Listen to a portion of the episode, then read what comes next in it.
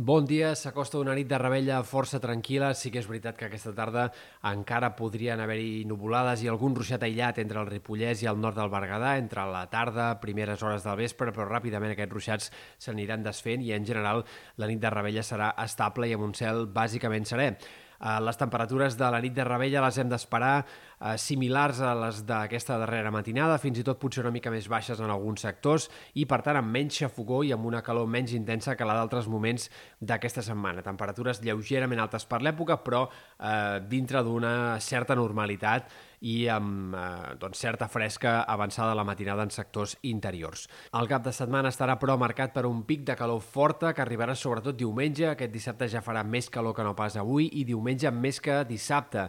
màximes per sobre dels 35 graus en moltes comarques interiors de cara a aquesta jornada de diumenge, que serà sens dubte el dia més calorós d'aquest any fins ara. Eh, com més a prop de la costa i com més al nord-est, menys es notarà aquesta entrada d'aire càlid i aquesta pujada de les temperatures, però també la xafogó arribarà a valors de sensació pròxims als 35 graus entre diumenge i l'inici de la setmana que ve. A mesura que avanci la pròxima setmana, sembla que a poc a poc, lentament, la temperatura s'anirà normalitzant i anirem tornant a valors més normals per l'època i fins i tot no és descartable que el juliol comenci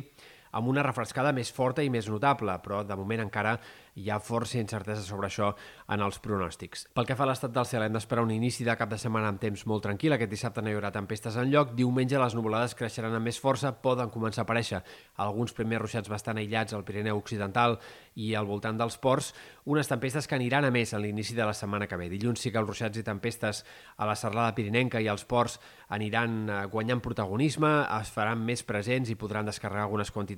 més importants de precipitació i sembla que la setmana que ve, en general, tindrem aquesta dinàmica de predomini del sol, però amb tempestes de tarda que seran freqüents a la serralada pirinenca i puntualment potser en altres sectors interiors o de la Catalunya central. També al voltant dels ports probablement les tempestes i a l'interior de les Terres de l'Ebre seran freqüents a les tardes durant la setmana que ve.